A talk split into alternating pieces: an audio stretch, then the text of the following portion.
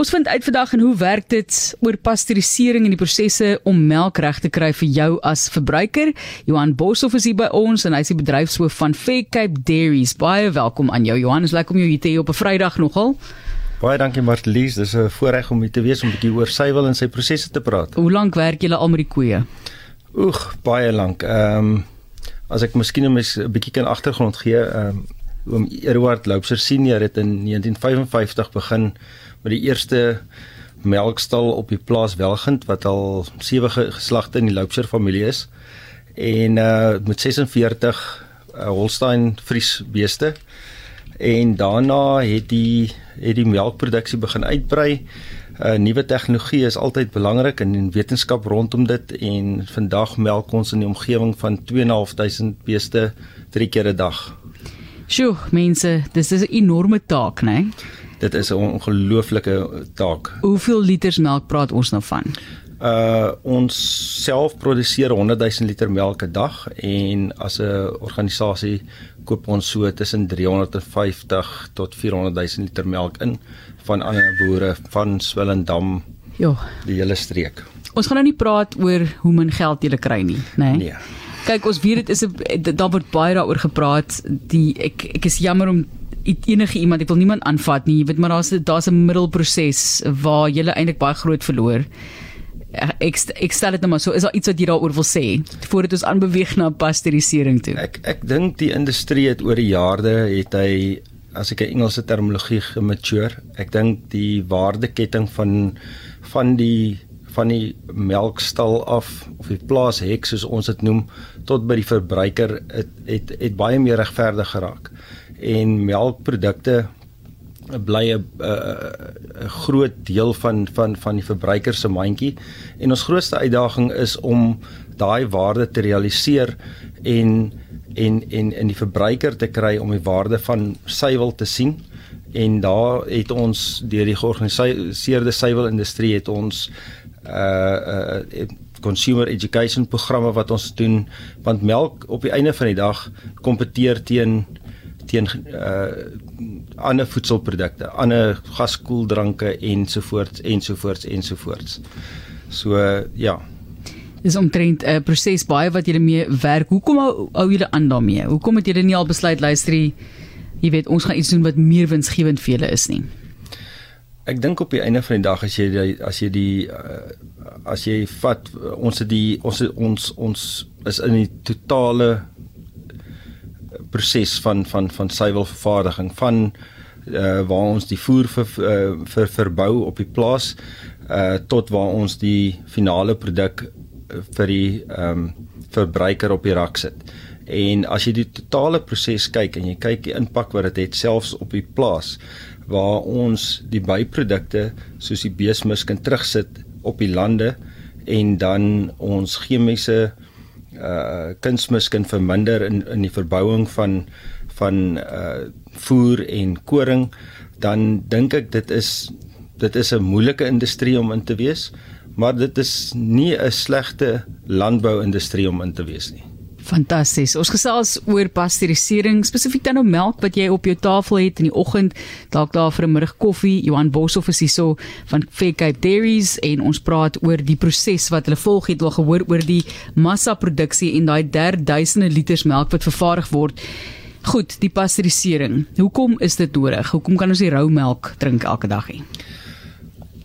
Rou melk het kan kan organismes of bakterieë in hê wat uh, nie so goed is vir die mense nie mense nie soos patogene en ehm um, Louis Pasteur het in die 1800s het hy die proses ontwikkel waar hy agtergekom het wanneer jy melk koop verleng jy die hou vermoë en dan die proses is later uh, ook verfyn waar hulle die tyd temperatuur aspek bygesit het waar jy die melk dan na 72 grade vir 15 sekondes 72 grade verhit vir 15 sekondes en dan afkoel na 3 grade toe en daai proses verseker voedselveiligheid en dit maak dit dan veilig vir die verbruiker om te gebruik.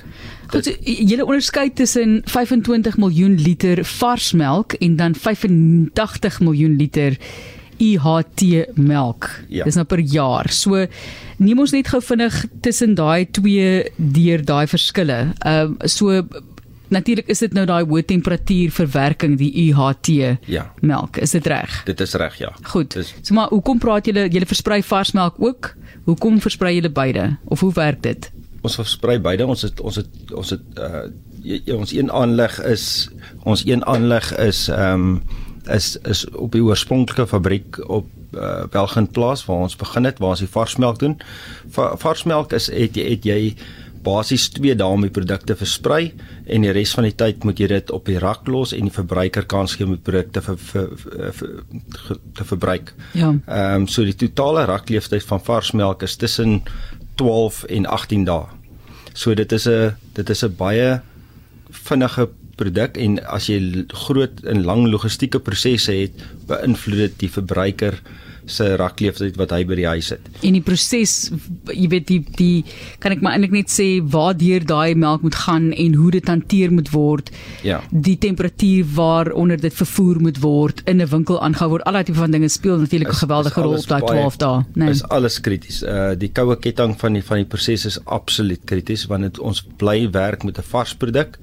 Ehm um, en die produk moet in alle tye onder 5 verkieslik onder 4 grade gestoor word en iets soos beerdkrag is is is is 'n groot uitdaging van waar die melk gemelk word by die boer tot by die eh, kettingwinkels. Ja. Dit is 'n groot uitdaging en selfs vir die verbruiker by sy huis. Ek was ook al daar by julle gewees op die plaas om te kom kyk en 1600 mense wat julle in diens het. Dis 'n dis 'n groot groot bedryf. En dan kyk ons nou na die IHT melk. Ek ek weet ons gaan nou terugkom na die proses. Ek beweeg heeltyd weg, maar Ja. jou opinie tussen of oor liewer vars teenoor melk wat langer raklewe beskikbaar het. So mense vir altyd vars melk is gesonder, drink liewer vars melk. Wat is jou opinie daaroor? Uh, My opinie is dat die die voedingswaarde van die twee soorte melk is dieselfde. Daar is Goed. wel 'n smaakverskil. IHT melk omdat sy proses die melk opvat na ongeveer 138 vir 3 sekondes. Uh grade Celsius vir 3 sekondes het hy meer van 'n kooksmaak en 'n karamellisasie gebeur in die melk, soos 'n fisiese verandering in die melk. Maar van 'n van 'n voedingswaarde proses is daar geen of minimale verskil tussen die twee. Goed. Neem ons net deur daai proses ook asseblief. Jy het nou gepraat van die temperatuur, maar dit is nou nogal 'n uh, 'n proses in die rol van die koue ketting. Van gepasteuriseerde melk. Ja, jammer. Okay.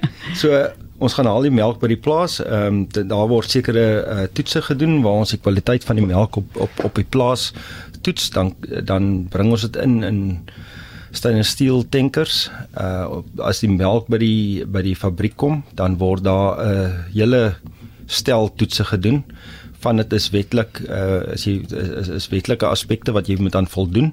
So ons ons ons doen dan al hierdie toetse waar ons die bottervet uh is een van die goed wat ons toets, die mikrolading van die melk, proteïene ensovoorts en dan word die melk afgepomp. Uh jy wil verkieslik hierdie melk so binne 48 uur wil jy dit deur die pasteuriseerder sit om die melk se rakleeftyd te ver, ver, vermeerder. Deel van die pasteurisasieproses is dan ook dit gaan deur jy verhit die melk na ongeveer 55 grade toe, dan gaan dit deur 'n roomafskeier.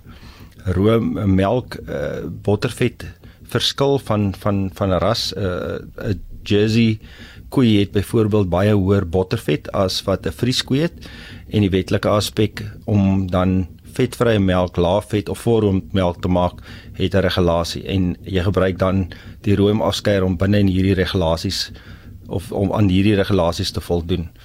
Daai room wat dan daar af afkom is die room wat jy, wat jy dan gekoop as vars room die surplus room en dit dit, dit word dan weer gepasteuriseer in as vars room. Daarna eh, in hierdie afskeiingsproses is daar ook 'n klarifikasieproses wat uh, gebeur wat alle klein ehm um, vaste stowwe uithaal om die melk absoluut skoon te maak. Daarna gaan hy dit na uh, die hogemiseerde toe. Die hogemiseerder sit die melk onder uh ongelooflike hoë druk in 'n omgewing van 200 tot 250 bar. As jy in reële terme moet dink jou jou voertuig se band is 2 bar. So dit is ongelooflike hoë druk en dit veroorsaak dat die vetmolekules bars en dan dit is dan klein genoeg om in suspensie binne in die melk te bly.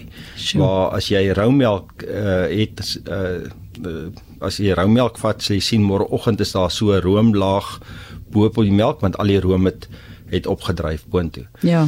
En dan gaan hy na 'n verdere verhittingsproses toe wat jy hom opvat na 72 toe. Hy gaan 'n houtyd van 15 sekondes en dan koel jy hom so vinnig as moontlik af na 3.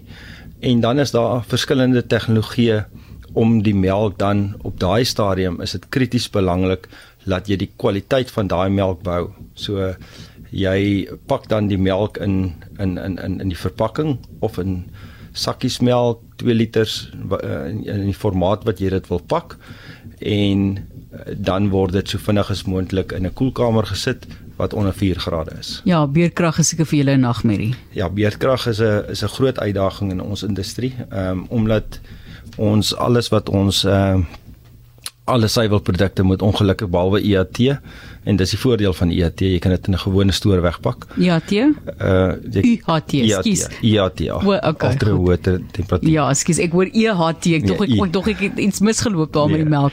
Maar ja, nee, dit moet 'n krisis ja, wees vir julle. Dit is dit is 'n groot ding en en jy moet jy moet absoluut altyd hierdie hierdie goed koud hou en die uh, kettingwinkels moet dit koud hou en uh, ek dink dit sit net 'n bietjie meer druk ook op die verbruiker om die melk as hy al gekoop het om dit so vinnig as moontlik in die yskas te kry. Yskaste deure so min as moontlik oop te maak want ons almal het maar beerdkrag selfs by die huis. Ja, dit is 'n groot groot taak. Ek dink jy ons besef jy ons sê dankie vir daai bietjie melk wat ons kan in ons produkte gebruik, ons koffie of tee kan plaas en 'n baie baie lang geskiedenis van hierdie familie natuurlik, die Loubsers en die 55 Edward Loubser senior, die vierde geslag op Welgegind en het toe die melkery begin met 64 Friesland koeie. Dit is die agtergrond, né? Fantastiese verloop vir die familie en gaan vandag nog daarmee voort. Ons sê vir jou baie dankie Johan, dankie dat jy ingekom het om met ons te kom gesels op 360 oor die pasteurisering van ons melk melk. Baie dankie. Baie dankie Martlies. Is Johan Boshoff en hy is die bedryfshoof van Fair Cape Dairies. Nou weet jy hoe jou melk veilig vir jou gemaak word.